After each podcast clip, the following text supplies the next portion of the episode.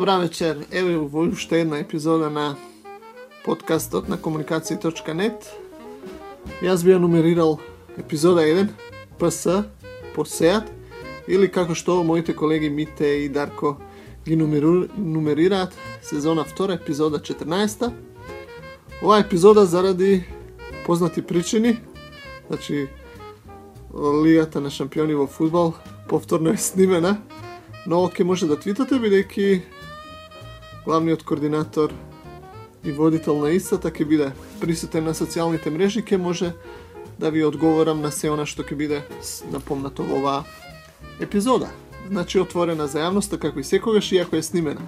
Значи ништо парадоксално во тоа, туку едно оптимално искористување на новите медиуми.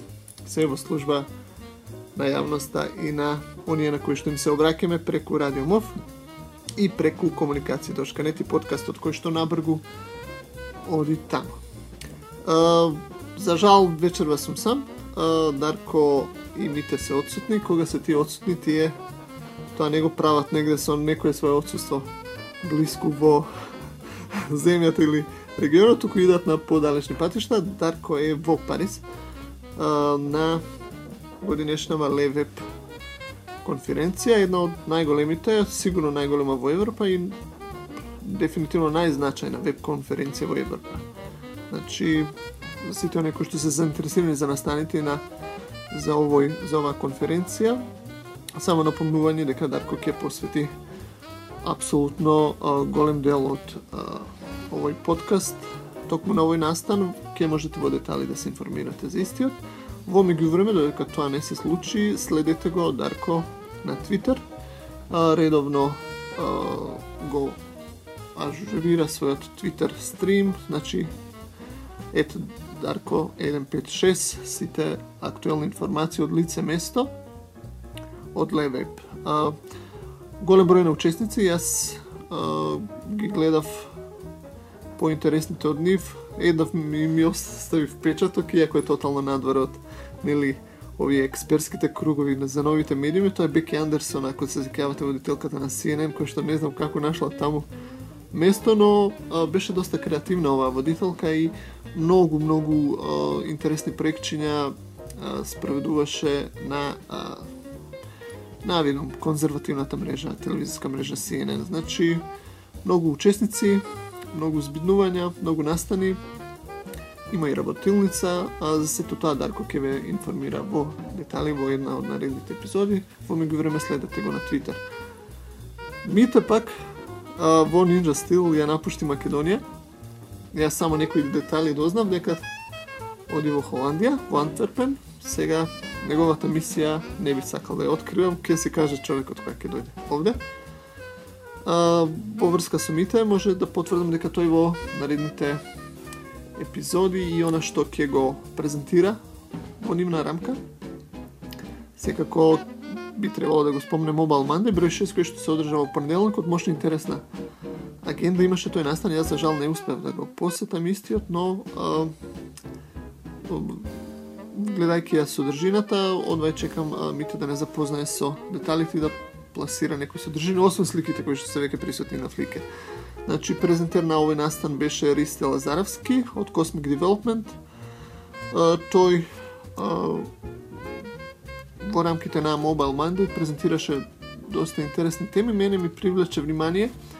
Значи, фокусот генерално беше на корисничкото искуство, кај мобилните уреди, каква е праксата кој се некои од искуствата во земјата и надвор, а мене особено ми привлече внимание делот каде што Ристе а, зборувал за а, споредба на корисничкото искуство кај а, iOS и кај а, Android Windows Phone корисниците. Значи, објаснувањето за секој од нив со примери така натаму беше изваредно интересна а, тема за дискусија. Значи, тоа е нешто што мите секако ќе го покрива наредните. А, она што се однесува на што ќе го слушаме овде се еден преглед малку дифузиран на актуелностите во земјата и некои од поважните настани кои што а, се случуваат или кои што а, се би рекол во жижата на а, интересот на нашата онлайн заедница, на нашите медиуми и така натаму. А, она што мене лично ме преокупира во последниот период е нели тоа разгледување како се движат состојбите во медиумите, кризата на медиумите така прогласена од самите нив и од сродните организации, кои се начините таа да се разреши така натам кризата на новинарството, синдикалните права на медиумските работници така натаму, значи тоа го следев јас лично подетално, она што е најново на тој план, значи на тие обиди соработка помеѓу властите и медиумската заедница, да се најдат решенија, преодни, конечни, така натаму, значи најактуелно акциониот план за подобрување на состојбите во медиумите. Го разгледав, беше објавен оваа недела од страна на Институтот за медиум, Македонскиот институт за медиум МИМ и а, Сдруженијето на новинари на Македонија. Го прочитав во нек, од некои аспекти подетално го анализирав, значи сето, сето тоа е фино на хартија, но сепак треба да се има предвид дека реалноста е нешто сосема друго и допрво треба да се види како тоа ќе функционира. Дали а, тие решенија, постапки, сорокови така натаму кои што се фино напишани, можете да ги најдете на а, веб страницата на MIM, mim.org.mk. Една од водечките стори се разбира, бидејќи е и најактуелна, т.е. најрецентна, најскорешна може да го даунлодирате работниот документ, односно акциониот план за подобрување на состојбите во минимите Оно што почна да го коментираме се не сме на тоа дека а, останува да, види, да се види колку е примелив овој документ и колку може истиот а, да користи за подобрување на состојбите. Она што е, би рекол, клучен, клучен проблем, тоа е сраснатоста на политиката и медиумите, опште позната, но ретко кој се нафаќа тој, тој а, би рекол брак од интерес кој е на штета на медиумите а, да го реши, да го разреши. А, ќе видиме во колку во кој степен всушност овој акцион план може да придонесе за тоа. Вториот е секако економските услови за работа за медиумите кои што практично години назад работат во непазарни услови од низа причини. Едната е веќе напомнатата сраснатост на политиката и медиумите. Другата беше концентрацијата на медиумите. А, делумно би рекол беше а, значи допрена таа сериозна рана или проблем на македонските медиуми со справувањето со ситуацијата околу Ајден и а, печатените вестници Време Шпиц КХР но остануваат и други така наречени јадри или концентрирани а, поврзани медиуми кои што ја нарушува таа пазарна фер пазарна мрежа или пазарни услови за работа за медиумите. Ке видиме како тоа ќе се одвива, но тоа се деликатни теми кои што ќе видиме дали ќе има доволно храбри да ги решаваат на вистински начин.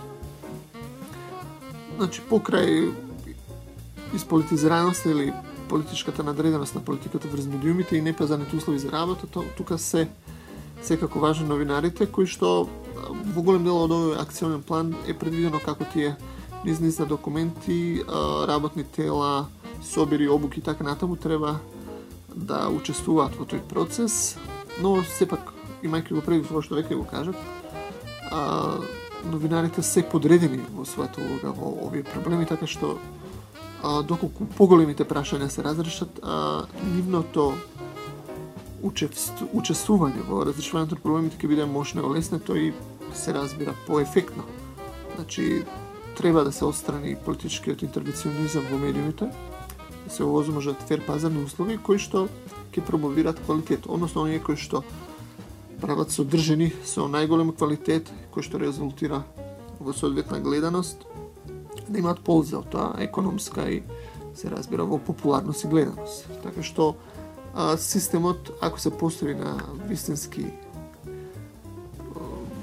во вистински рамки, тој а, понатаму а, ќе се развива самиот од себе, се разбира. Кога вистинските вредности кон него, во него ќе бидат вградени и ќе доминираат. Значи, промо, промоцијата на квалитетот и на а, интересите за информирање на јавноста треба да бидат некои од елементарните резултати во оваа смисла. Добро, тоа е еден дел кој што јас вака поинтензивно го следам, за кој што сакав е во овој подкаст да го споделам со вас. Е, значи, се работи, веќе сме убаво навлезени во месец декември, така што а, сега почнува ни циклус на настани од типот прогласување на различни нај-нај-нај во текот на годината. А, можам само да информирам дека веќе беше пројавен еден тоест беше беше пројавен интерес за а, прогласување како што тоа беше случај лани, кон крајот на минатата и почетокот на минатата година, значи а, за најпопуларните твитови, тагови, корисници на Твитер во на Твитер а, сервисот во Македонија. А, откако некои од нашите пријатели и оние кои што ги следиме на Твитер ја а, иницира повторно го иницира интересот за ова, а во договор, некој начинен провизорен договор со Дарко Лудиовски, ние уште еднаш напомнавме дека најверојатно ваков избор за најпопуларни твитови, тагови, корисници од различни категории ќе се случи во јануари 2012 значи откако календарски ќе закружиме годината, тогаш мислам дека ќе се отворат можности за квалитетен избор во сличен формат како што тоа беше случај лани, ќе може да се прво да се номинираат најпопуларните, односно кандидати за најпопуларните настани на Твитер во 2011, а потоа и да се гласа за нив соодветно.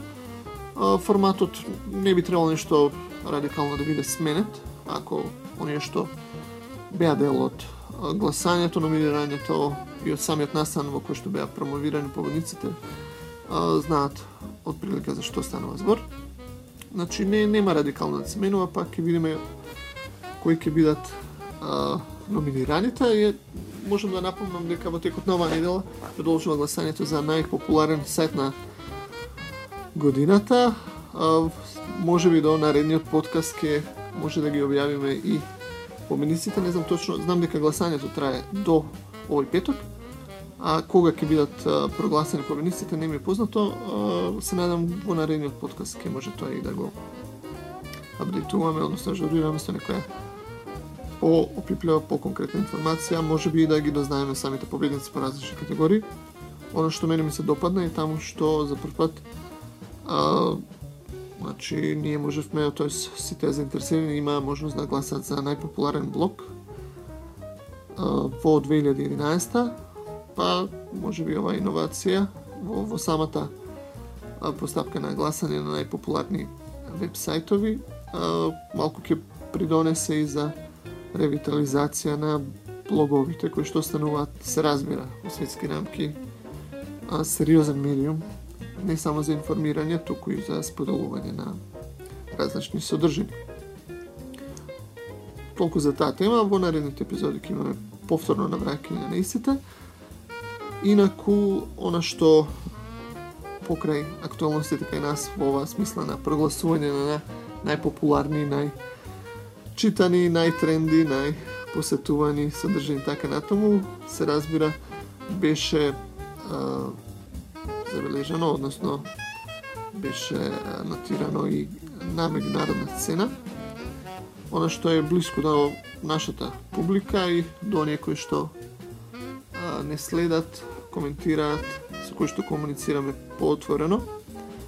А, затоа ги излеви за емисија се како се а, најпопуларните настани според Facebook и Twitter. Минатата недела излезе Facebook Memology, Значи, мемологија на она што беше најпопуларно на Facebook минатата година. Имаше доста интересни податоци, а, а исто така минатата недела излегува топ 10 Twitter Trends of 2011, значи топ 10 трендови на Twitter во минатата година. А, ке ги споре, ке ги кажам сега некои од победниците, па може да споредиме, јас со мој коментар, а и вие подоцна исто така да во коментарите на подкастот или во подкастот или во твитовите да го кажете вашиот став. Значи, она што беше, што е обележа Facebook, според ова Facebook мемологија, она што го одбележа, ја одбележа минатата година, беа следниве настани. Значи, Осама, смртта на Осама Бин Ладен беше најпопуларната, односно нај а, популарната тема според низа критериуми од статуси, линкови и така натаму, клучни зборови и така натаму, значи беше настан кој што беше го обележа, односно доминираше на Facebook во 2011 година. А, понатаму беше Суперболот, бидејќи сепак а, овој настан барем во САД е еден од доминантните. Така натаму, значи имаше уште редица настани. Еве овде ги проследувам. Само уште еднаш да проверам. Значи смртта на Осама Бин Ладен, Супербол, судењето на Кейси Ентони, кој што мене лично не ми е познат, четвртиот ми е познат, Чарли Шин, сагата која што се одвиваше околу него и неговиот отказ од неговите работодавци. Uh, и заминувањето од Two and a Half Men by Paul Мажи серијалот.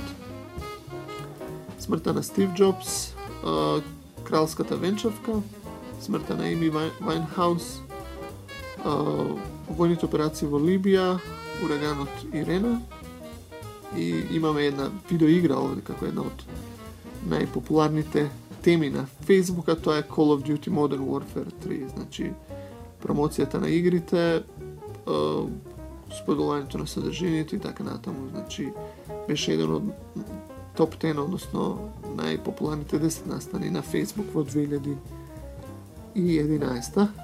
Сега интересно е како оваа група е одбрана, иако календарски што не е завршено, но сепак Facebook кој Facebook податоците кои што беа објавени се на вистина релевантни. Од друга страна, го имаме Twitter, вечниот конкурент на Facebook, а, и таму беа проследени најпопуларни, најпопуларните, најтренди настани, настани и теми од 2011 И тука, за жал, доминира едно лице кое што тоа го прави неколку години наназад, сега го најде своето место и на Твитер, Джастин Бибер. Значи најпопуларната тема на Твитер минатата година 2011 ова може да интересно бидејќи кога се споредува со Facebook обично велиме дека е по не толку обременет со некои теми од од джет сетот и популарната култура и филмот, музиката, естрадата и така натаму, но сепак менаджерите и самите пиар тимови успеваат да ги пласираат и да ги да, им, да создаваат фама од различни и уметници, артисти, настани и така натаму. Значи Джастин Бибер доминираше со Твитер во 2011 според она што беше објавено. А, а, линкови кон овие настани се разбира ќе бидат приложени во подкастот на комуникации.нет втора доминантна а, тема на Твитер минатата година беше фудбалот. Значи најголем број на а, тагови, најголем број на линкови, најголем број на коментари обележани со оваа тема. Третата е Леди Гага, уште еден. Вака лик од естрадата. Веднаш после Леди Гага на четврто место е а, NBA, Значи, NBA во првата половина од годината секако тоа беше сезоната и мощно популарниот плейоф, а потоа се разбира на непријатната тема локаутот во NBA, значи беше доста коментиран, а, доста информации беа споделувани на Твитер за NBA и така натаму, значи тема која што на вистина а, беше доста актуелна. Конечно, кон крајот на година, значи сезоната во NBA почнува на 25 декември, Мите и јас особено се радуваме на тој настан. Па ќе видиме како ние ќе придонесеме за популярноста на НБА и а, во Македонија преку Твитер. Во самите кругови кои што ги следат овие настани. Значи, официјално таку што еднаш да напомнам за НБА и на оние кои што следат од Македонија е Мак NBA. Да продолжам со листата.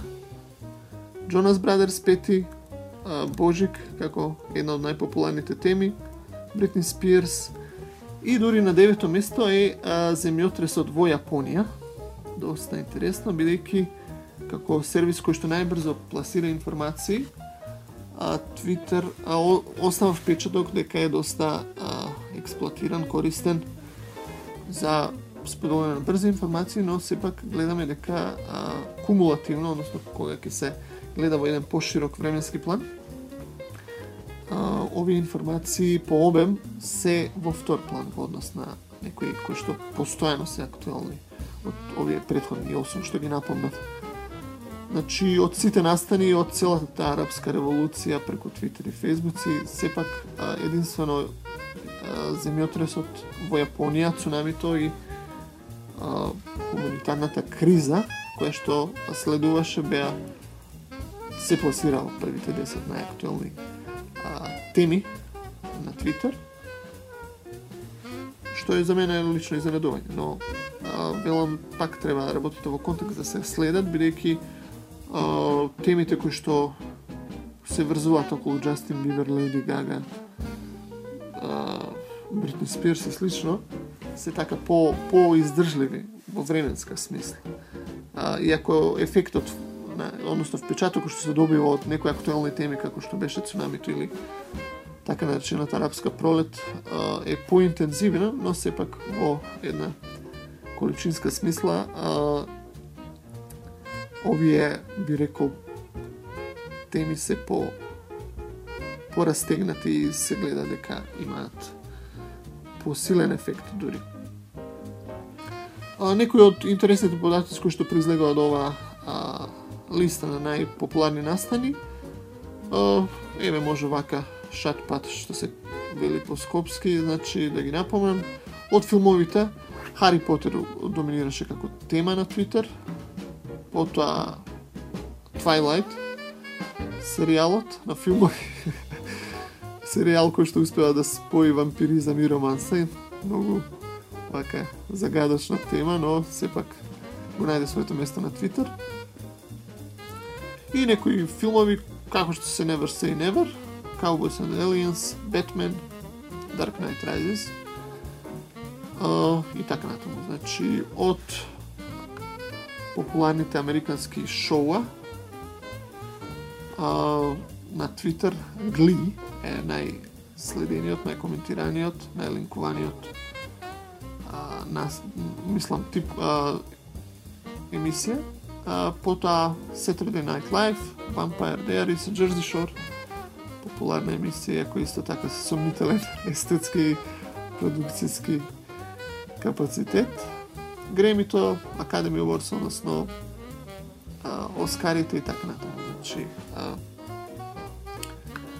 најпопуларните музичари предпоставувате веќе напомнати Бивер, Джастин Бибер, Леди Гага, Джонас Брадерс, Супер Джуниор, Бритни Спирс, така натаму.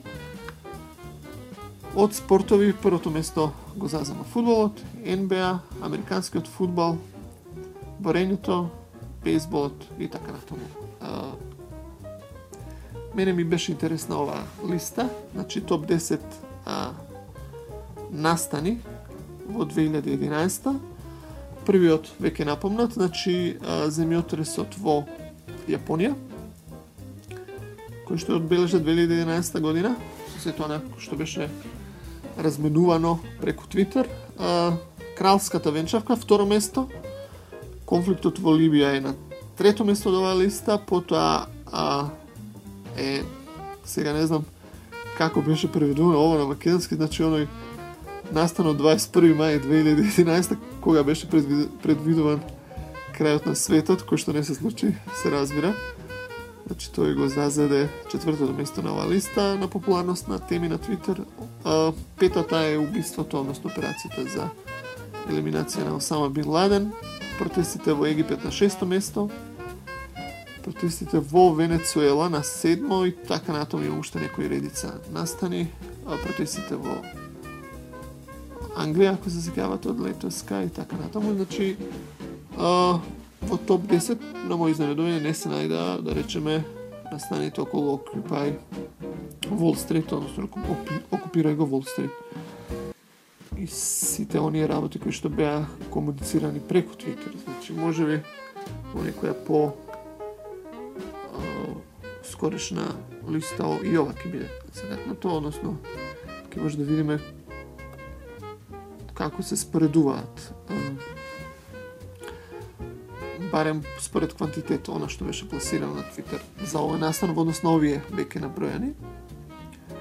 Добро, значи а, може да се каже дека а, оно јас помеѓу Facebook и Twitter во глобална смисла се разбира, не во наша локална, а, се намалува според темите гледано, се разбира, типовите на комуникација се различни, но а, оние што се а, најпопуларни некако успеваат да се прелеват на двете социјални мрежи и а, може би го навестуваат. Тоа не е некој цврсто тврдење, значи, че се раснувањето на Facebook и Twitter, односно поврзувањето не некој вид на свесност на Facebook за Twitter и Twitter за Facebook и начините како нешто што е популарно на Facebook а, има можности и канали да се прелее и на Twitter како популарна тема. Ке видиме како ќе се развива тој процес ќе биде мощно интересно. А, заборавив да напомнам една доста интересна а, листа која што беше објавена во Facebook мемологијата, која што ја напомнав дека шесте најбрзо растечки медиумски а, медиуми, односно медиумски представници се CNN, Fox News, NPR, Onion, New York Times и Al Jazeera. Значи, тие се шесте најпопуларни. Ова е интересен податок, бидејќи CNN те успеа и на социјалните мрежи да не само да вложи доста средства и човечки ресурси, туку и да успее да а, се промовира како еден од најдоминантните медиуми на Facebook. Значи, а, истражувањето е правено, тоест резултатите се добиени од собирање на сите релевантни податоци од број, количество на содржини, линкови, посетеност, коментари, лајкови и така натаму. Значи CNN па Fox News. Fox News според својата уредовачка политика исто така успеа да збере доста популарност. Близок е, но не е премногу до CNN. Ал Джазира, кој што се прошири на Балканот пред некои две недели, доста активна и популарна и на Facebook. Тука сме негде при крај со емисијата. Покрај навестените работи се разбира кој што а, ги напомнав на почетокот. Може само уште една тема вака на, на брзинка, по недостиг да на време да ја покриеме. Тоа е реактуализираната тема за цензура на интернет пред некој ден а, во еден од нашите локални вестници, беше тоа Нова Македонија, беше отворена оваа тема. А, имав а, имав задоволство да дадам изјава за овој вестник, кој што се насочеше на некои од актуелностите за тоа кои се поактуелните, поновите обиди на некој начин да се контролира текот на информација на интернет се разбира во фокусот се Турција и Индија со најскорешните обиди да воспостава според нив некаков ред на интернет за нивните граѓани корисници, а според многумина а, тоа се обиди кои со кои што значително се ограничува слободата. Значи а, и Турција и Индија во последниве месец дена се, обидаа да промовираат прописи и закони кои што ќе ги заштитат според нив корисниците од различни неморални содржини, штетни, патолошки, социолошки, исто така а, проблематични теми, содржини и слично. А, главно ова се сведува на филтрирање на содржините. Ке видиме дали а, ова ќе биде на вистина а, во рамките на својата добра намера или пак се работи за еден вид на а, она што се случуваше и во Кина, да речеме, да се врши филтрирање всушност по политичка по политички критериуми на содржината на интернет. Како и да е, кај нас за сега е актуелен, односно либералниот модел, каде што немаме рестрикции по содржини и филтрирање на содржините, ставено во рамка со кривичниот законник, со прекршочниот законник на земјата и се покажува како прилично фин модел, не далеко од совршено, сепак обезбедува доволно слобода, а сепак и дава заштита од различни социјални аномалии, финансиски криминал, девијатни појави и така натаму. А, она што се реактуализираше деновиве беше ако е денес среда, значи ова се случуваше пред некој ден, значи вторникот промоција, односно отварање на дебатата за новиот закон за медиуми, што беше промовиран од Министерството за транспорт и врски. Наводно се уште не постои текст документ, се отвара расправата и диалогот по овој закон, односно негово можно доделување, кој што е во склад со усогласување на законската рамка и прописи со директивите на Европската Унија. Имаше доста забелешки. Uh, една од нив беше дека за прв пат се прави обид на некој начин да се подсреди, да речеме, регулирањето на печатените и на, на дигиталните медии, во овој случај интернет, веб порталите и другите веб страници кои што служат за информирање. Постојат неколку ставки кои што се наведени овде, па ќе видиме како сето тоа ќе се одвива во пракса. Она што мене ми привлече внимание е дека во се предлагаат да бидат вградени во овој закон некои членови кои што навистина треба внимателно да се формулираат и да се предвидат сите нивни ефекти. Значи тоа е се предлага а, сите медиуми да имаат свој статус статут, пардон, кој што прецизно ќе ги дефинира началата, правата, така натаму принципите на работење на медиумот Потоа се бара да се уредат правата на главниот одговорен уредник и на уредниците и новинарите во медиумот, значи да се регулира одговорноста за објавување на одговори, исправки и така натаму. Се предвидува посебна глава за заштита на правата на новинарите во различни конфликтуозни ситуации, ако, например, тие сака да одбијат задача која што според нив се коси со новинарската професија така. Значи се оди во еден а, степен подлабоко или се прави исчекор кон микроменаджирање на состојбите во медиумите, вклучително и на интернет а, страниците, кои што се занимава со информирање како тоа ќе биде сватено и спроведено останало да се види. Значи, мајке ги нашите искуства, а, да се поигруваме со законите, да се бараат дупки во нив, а, мора да се антиципира, да се предвиди што од ова што се носи во добра намера, да веруваме, може да резултира во некои а, искористување или злоупотреби. Значи, а, еве уште една значи, а, работа која што таму е, а важна е, а, предвидена е тоа да се вршат, а, да се направи така наречено лесно, лесно регулирање и по прецизно значи регистрирање на сите оние кои што се занимаваат со а, из, значи издавање на печатени медиуми и а, из, значи корисење, односно а, работење на о, информативни, информативни така наречени онлайн портали, се предвидува правење на поголема база на податоци, каде што ќе бидат принудени, односно обврзани да се пријавуваат сите оние кои што се занимаваат со оваа дејност. Сега правењето на регистар од, од оние кои што се занимаваат со оваа јавна дејност не е нешто проблематично, но ќе видиме според кои параметри или кои ќе бидат работите кои, што ќе се бараат да бидат а, приложени, потврдени, документирани така натаму. Значи се надевам дека тој формално административен бирократски дел нема да биде лимитирачки или нешто што а, ќе ја оневозможува работата на рибите. Значи 35 минути. Мислам дека се доволни, се надевам дека а, беа искажани некои а, интересни информации.